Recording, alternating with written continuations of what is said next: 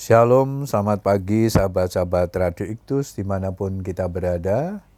Kita bersyukur kepada Tuhan pagi hari ini kita boleh bangun dengan tubuh yang sehat.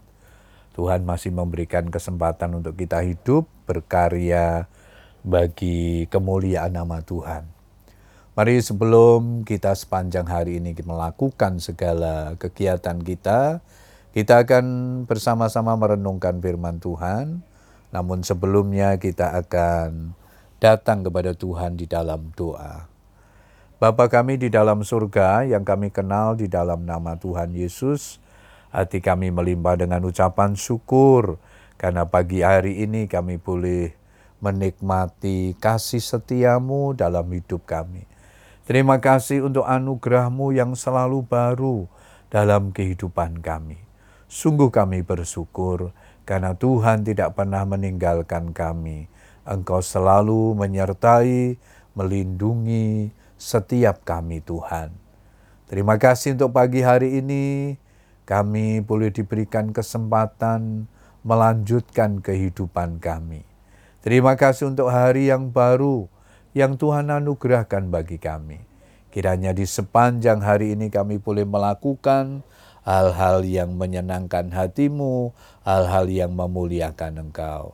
Terima kasih Tuhan, pagi ini kami akan bersama-sama membaca dan merenungkan firman-Mu. Kami rindu ya Tuhan mendengar sabdamu yang akan memandu jalan-jalan hidup kami sepanjang hari ini. Terima kasih Tuhan, kami menyiapkan hati dan pikiran kami untuk firman Tuhan disampaikan. Berkati hambamu dalam segala keterbatasan, supaya dapat menyampaikan firmanmu dan dimengerti oleh setiap kami. Terima kasih Tuhan. Di dalam nama Tuhan Yesus, kami berdoa dan mengucap syukur. Amin. Sahabat-sahabat yang dikasih Tuhan, pagi hari ini kita akan merenungkan satu bagian firman Tuhan yang diberikan tema antara hidup dan mati antara hidup dan mati. Ayat yang akan kita baca di dalam Filipi 1 ayat yang ke-20 sampai dengan yang ke-30.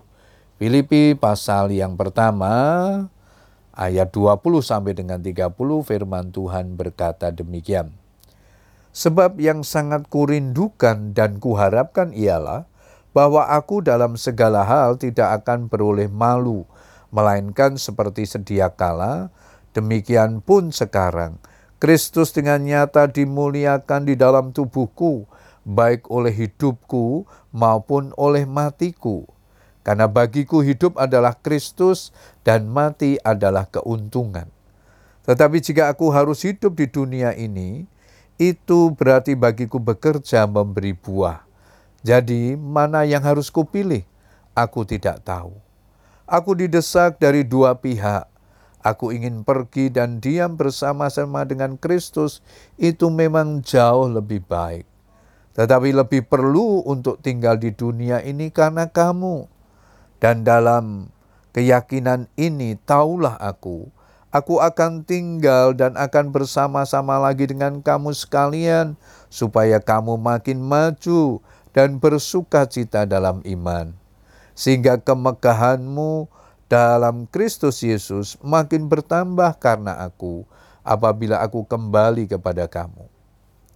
Hanya hendaklah hidupmu berpadanan dengan Injil Kristus, supaya apabila aku datang, aku melihat, dan apabila aku tidak datang, aku mendengar bahwa kamu teguh berdiri dalam satu roh dan sehati, sejiwa, berjuang untuk iman yang timbul dari berita Injil, dengan tiada digentarkan sedikit pun oleh lawanmu. Bagi mereka semuanya itu adalah tanda kebinasaan, tetapi bagi kamu tanda keselamatan, dan itu datangnya dari Allah. Sebab kepada kamu dikaruniakan bukan saja untuk percaya kepada Kristus, melainkan juga untuk menderita untuk Dia dalam pergumulan yang sama seperti yang dahulu kamu lihat padaku dan yang sekarang kamu dengar tentang aku. Sahabat-sahabat yang dikasih Tuhan, peristiwa kematian sesuatu yang banyak diperbincangkan hari-hari ini oleh banyak orang, khususnya di masa pandemi virus corona ini. Orang memperbincangkan mungkin ada tetangganya yang tiba-tiba dipanggil Tuhan, mungkin ada rekan kerjanya yang terinfeksi virus corona kemudian dipanggil Tuhan. Mungkin salah satu anggota keluarga kita. Mungkin juga rekan-rekan kita sepelayanan. Hamba-hamba Tuhan yang kemudian dipanggil Tuhan dengan indikasi karena terpapar virus corona. Sahabat-sahabat yang dikasih Tuhan, tentu hal ini bukanlah hal yang mudah untuk kita menjawabnya. Selalu timbul pertanyaan dan pertanyaan mengapa Tuhan izinkan kematian terjadi? Mengapa peristiwa itu harus dialami? Apalagi kalau kita kemudian berhitung-hitung tentang hal-hal yang sudah kita lakukan dalam hidup ini maupun di dalam pelayanan. Sahabat-sahabat yang dikasih Tuhan, peristiwa kematian adalah sesuatu yang alamiah terjadi dalam hidup manusia.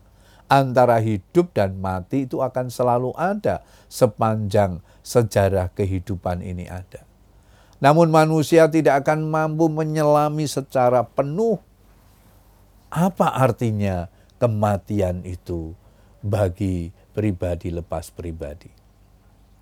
Dalam satu upacara penghiburan untuk satu keluarga yang meninggal, Seorang hamba Tuhan bertanya kepada para jemaat yang hadir, "Jika diberi penawaran, apakah yang akan Anda pilih, hidup atau mati?" Seorang bapak serta-merta menjawab, "Kalau sehat, semua baik-baik saja, yang memilih hidup, Pak. Tetapi kalau sakit-sakitan, lebih baik mati saja." Mendengar jawaban itu, Pertanyaan hamba Tuhan dilanjutkan. Jika demikian, apakah jika anak atau saudara bapak sakit-sakitan dan tidak kunjung sembuh, lebih baik dibiarkan mati saja? Sontak suasana menjadi riuh dan terdengar jawaban-jawaban yang intinya menjelaskan bahwa bagaimanapun tetap diusahakan mendapat kesembuhan. Artinya, Seringkali ketika manusia diperhadapkan dengan pilihan hidup atau mati, mereka menjawab dengan sangat rancu dan bisa membingungkan. Sahabat-sahabat yang dikasih Tuhan, Rasul Paulus dalam surat Filipi yang baru saja kita baca menunjukkan konsistensinya sebagai hamba Kristus yang tidak lagi menganggap kematian atau kehidupan sebagai sesuatu yang bisa dipilih dengan tendensi keuntungan atau kenyamanan tertentu. Paulus tidak cukup sehat dan baik-baik saja untuk menginginkan hidup yang lebih lama. Mari kita mengingat sakit yang diderita oleh Rasul Paulus yang digambarkan di dalam uh, surat Korintus seperti duri dalam daging. Sebaliknya ia juga tidak merasa cukup menderita sehingga ia menginginkan kematian dalam hidupnya. Konsep hidup dan mati bagi Paulus tidak tergantung pada apa yang ia inginkan atau yang ia butuhkan. Namun konsep hidup dan mati Paulus semata-mata tertuju kepada pelayanan yang hendak ia berikan kepada Kristus. Sahabat-sahabat yang dikasih Tuhan, mari kita melihat dalam bagian ayat yang kita baca dari Filipi 1 ayat 20 sampai dengan yang ke-30 ini. Mari kita melihat yang pertama. Bagi Paulus, hidup adalah bagi Kristus. Hidup bagi Kristus. Bagi Paulus hidup adalah untuk kemuliaan Kristus. Ia melakukan pekerjaan pelayanannya hanya untuk membawa orang banyak mengenal Kristus, percaya kepada Kristus. Jiwa misioner sangat kuat di dalam dirinya. Ia tidak takut menghadapi penguasa-penguasa, dia tidak takut menghadapi raja, bahkan kaisar. Ia tidak gentar menghadapi deraan, siksaan, bahkan penganiayaan yang bisa setiap saat mengancam jiwanya. Ia melakukan semuanya karena sadar benar bahwa hidup yang ia miliki semata-mata milik Kristus. Paulus tahu benar bahwa sesungguhnya ia pantas mati karena dosa-dosa telah menganiaya jemaat Tuhan. Oleh karena itu ia merasa sudah sepantasnya melakukan segala sesuatu dalam hidupnya untuk memuliakan Kristus. Ia rela melakukan semuanya untuk Kristus. Sahabat-sahabat yang dikasih Tuhan, mari kita melihat prinsip hidup daripada Paulus. Bagi Paulus hidup adalah untuk Kristus. Sehingga apa yang dia pikirkan, apa yang dia ucapkan, apa yang dia lakukan semata-mata untuk memuliakan Kristus. Tidak ada kepentingan-kepentingan lain di dalam hidupnya. Wah, seluruh hidupnya dipersembahkan untuk Tuhan. Karena baginya hidup adalah milik Kristus. Bagaimana dengan kita sahabat? Apakah hidup yang kita punya adalah milik kita sendiri? Atau milik orang lain? Tetapi sebagai orang-orang yang percaya kepada Kristus atau pengikut Kristus, mari kita menyadari kalau hidup saudara dan saya Hidup sahabat dan saya adalah milik Kristus. Mari kita gunakan di sepanjang kehidupan kita ini untuk memuliakan Dia, karena hidup bagi Kristus adalah hidup yang dipersembahkan bagi hormat dan kemuliaan Tuhan. Yang kedua, sahabat, apa yang menjadi prinsip dan konsep daripada Paulus ketika dia memandang tentang kematian. Bagi Paulus, mati adalah keuntungan. Ini hal yang kedua. Hal yang pertama, hidup adalah untuk Kristus. Yang kedua, mati adalah keuntungan. Sahabat, bagi beberapa orang kematian merupakan hal yang menakutkan Bahkan ada yang beranggapan kematian adalah musibah. Namun pandangan Paulus ini sungguh menarik. Ia menganggap kematian merupakan sebuah keuntungan. Mari melihat apa yang dipikirkan Paulus mengenai kematian. Paulus mendedikasikan hidup dan pelayanannya untuk mengabarkan Injil ke berbagai tempat, mulai dari Asia sampai ke Eropa pekerjaan yang tidak kenal lelah dia lakukan. Berbagai penganiayaan, deraan, dan siksaan telah ia alami. Dan itu pula yang membuat Paulus mengalami penyakit yang tidak kunjung sembuh. Penderitaan yang dialaminya demi nama Kristus juga membawanya ke penjara. Kemerdekaannya sebagai manusia terampas dalam keadaan yang demikian? Bukankah kematian merupakan sebuah hak istimewa? Bukankah kematian di saat-saat yang demikian, di saat-saat penderitaan yang selalu mengancam dalam hidupnya, serta merta akan membebaskannya dari berbagai macam penderitaan yang dialaminya? Sebagai orang percaya, saat melihat saudara atau anggota keluarga yang kita kasih meninggalkan kita. Seringkali kita hanya mengambil posisi sebagai orang yang ditinggalkan dan tidak mengambil sudut pandang orang yang meninggal. Bukankah sering kali kematian membebaskan mereka dari penderitaan karena sakit penyakit yang begitu lama diidap oleh dia atau hal-hal lainnya dalam hidupnya? Kematian bagi orang percaya merupakan kebahagiaan karena kematian merupakan satu-satunya pintu bagi orang percaya untuk bertemu dengan Bapa di surga. Oleh karena itu, mengapa kematian harus ditakutkan? Sahabat-sahabat yang dikasih Tuhan, pagi ini hal yang kedua kita belajar bagaimana Paulus memandang tentang peristiwa kematian. Kematian itu menguntungkan ketika dia sudah memaksimalkan hidupnya untuk memuliakan Kristus. Kematian itu artinya menjadi jalan untuk kita bertemu dengan Juru Selamat. Kematian itu menjadi jalan di mana kita bertemu dengan Sang Pencipta. Kematian ini menjadi pintu bagaimana orang percaya manusia dilepaskan dari penderitaan-penderitaan di dalam dunia ini. Memang secara manusia kita akan terpisah dengan orang-orang yang kita kasih.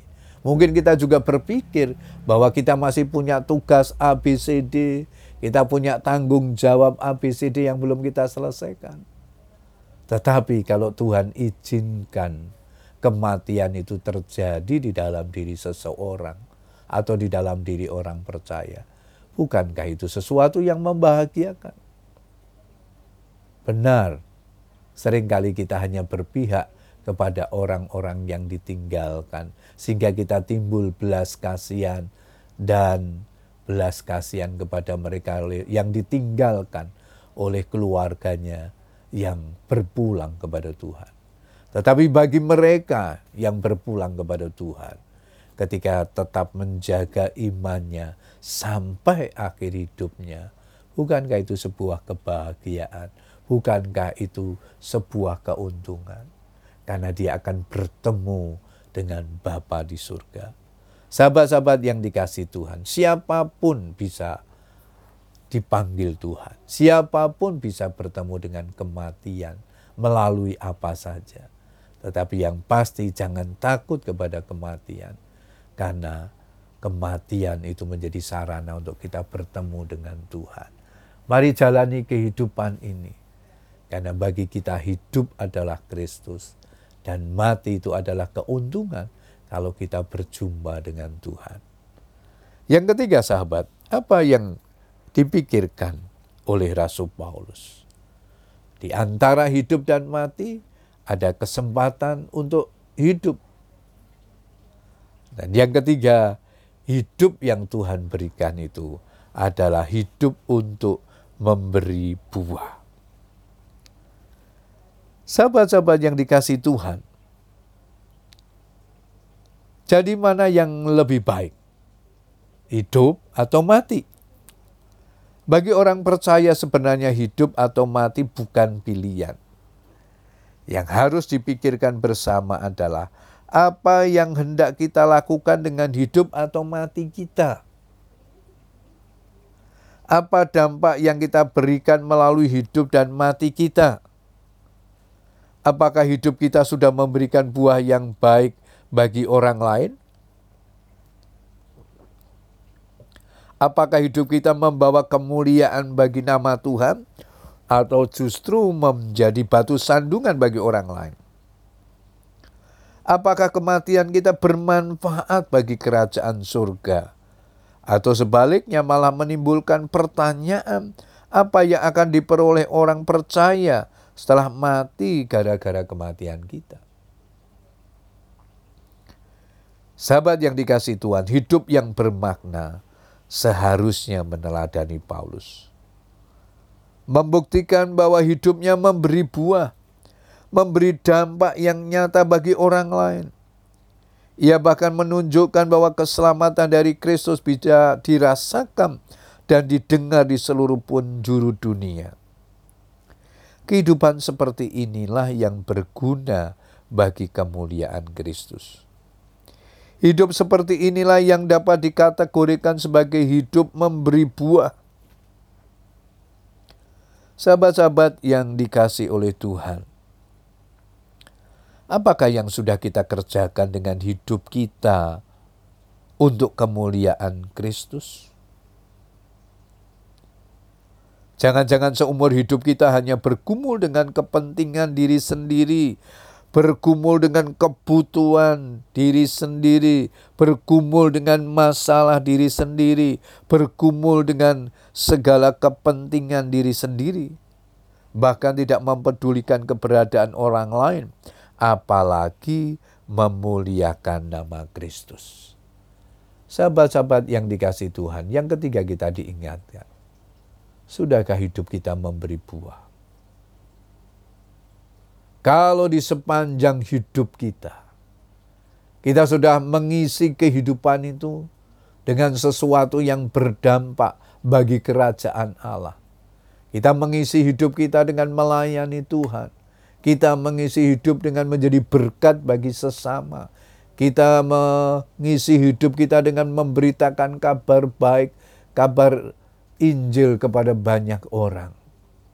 Maka ketika kematian itu datang di dalam kehidupan kita, maka bisa ber, kita bisa berkata bahwa kematian itu menguntungkan.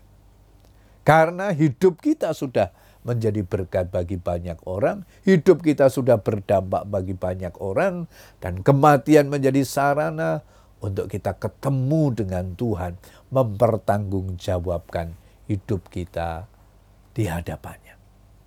Sahabat-sahabat yang dikasih Tuhan, pagi ini kita diingatkan, berapakah usia kita? Berapa lama kita sudah menjalani hidup di tengah-tengah dunia ini? Hidup itu harus dipertanggungjawabkan di hadapannya. Sudahkah hidup kita berdampak bagi orang lain? Berdampak bagi kemuliaan Tuhan. Di hari-hari masa pandemi ini, ada banyak orang hanya berpikir untuk dirinya sendiri. Aku harus sehat, aku harus diberkati, aku harus berhasil dalam pekerjaan saya. Keluarga saya harus dilindungi. Banyak orang hanya berpikir tentang dirinya sendiri.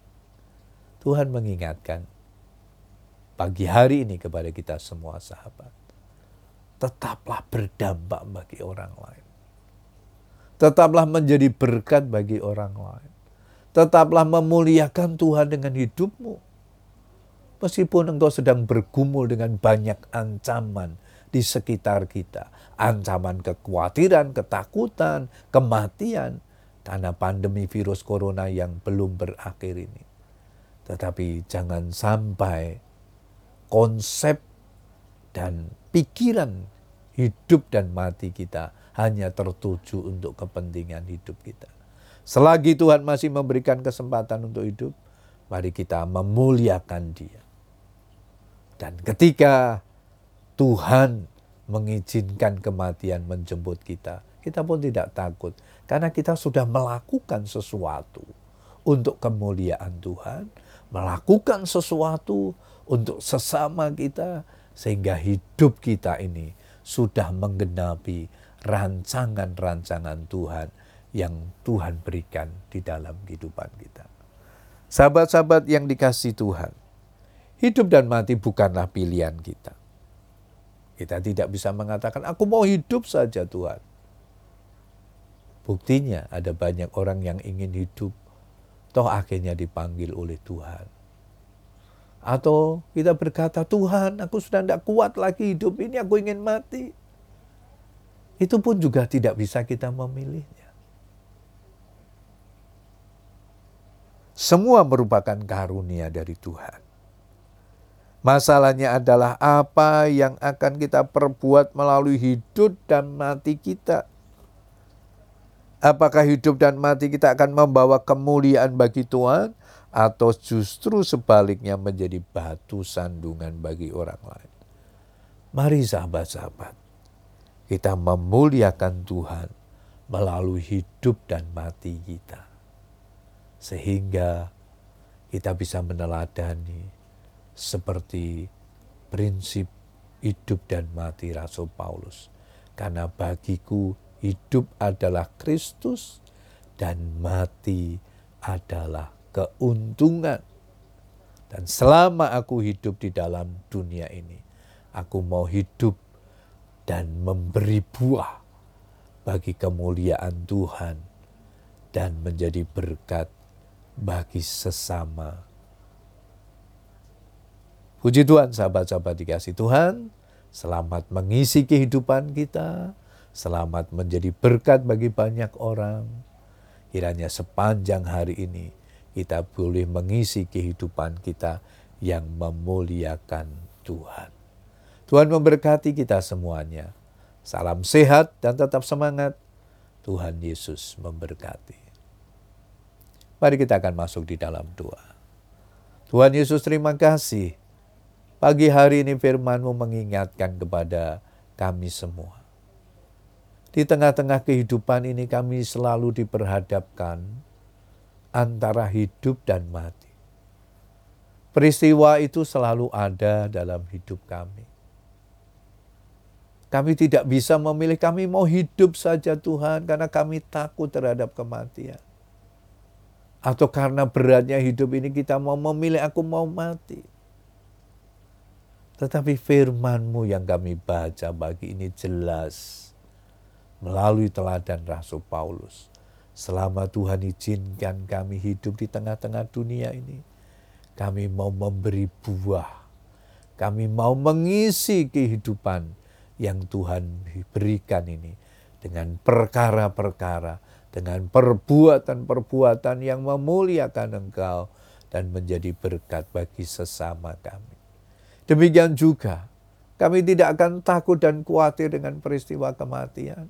Kalau kami sudah hidup benar, kalau kami sudah hidup memberi buah, maka ketika kematian itu datang, kami akan berjumpa dengan Engkau kami akan mempertanggungjawabkan hidup kami di hadapan-Mu. Dan kami menanti-nantikan perjumpaan dengan Tuhan, di mana dalam kerajaan-Mu yang kekal, di sana sukacita dan kemuliaan Tuhan sediakan bagi orang-orang percaya. Terima kasih Tuhan, kami bersyukur kepadamu. Berkati sahabat-sahabat iktus di mana pun berada Engkau tahu segala pergumulan mereka hari-hari ini. Mungkin kekhawatiran, ketakutan sedang melanda mereka. Ajar mereka untuk percaya sepenuhnya hanya kepadamu. Hidup dan mati kami ada di dalam tangan Tuhan. Engkau yang berkuasa, Engkau yang berdaulat. Kiranya kami tetap bersemangat mengisi kehidupan kami dengan baik untuk hormat dan kemuliaan nama Tuhan. Terpujilah Engkau Tuhan. Ini doa kami berkati seluruh kru Radio Iktus, para pengurus penyayasan. Sekiranya dari mukas dalam ini terus terpancar berita sukacita, berita damai sejahtera sehingga banyak pendengar diberkati. Terpujilah Engkau Tuhan, kiranya berkatmu menyertai kami semua sepanjang hari ini. Di dalam nama Tuhan Yesus kami berdoa. Amin. Sahabat-sahabat yang dikasih Tuhan, demikian renungan kita pagi hari ini. Salam sehat dan tetap semangat. Jangan lupa selalu pakai masker, selalu rajin mencuci tangan dan menjaga jarak dalam kerumunan supaya kita selalu sehat terhindar dari virus-virus penyakit. Tuhan Yesus memberkati kita semua. Amin.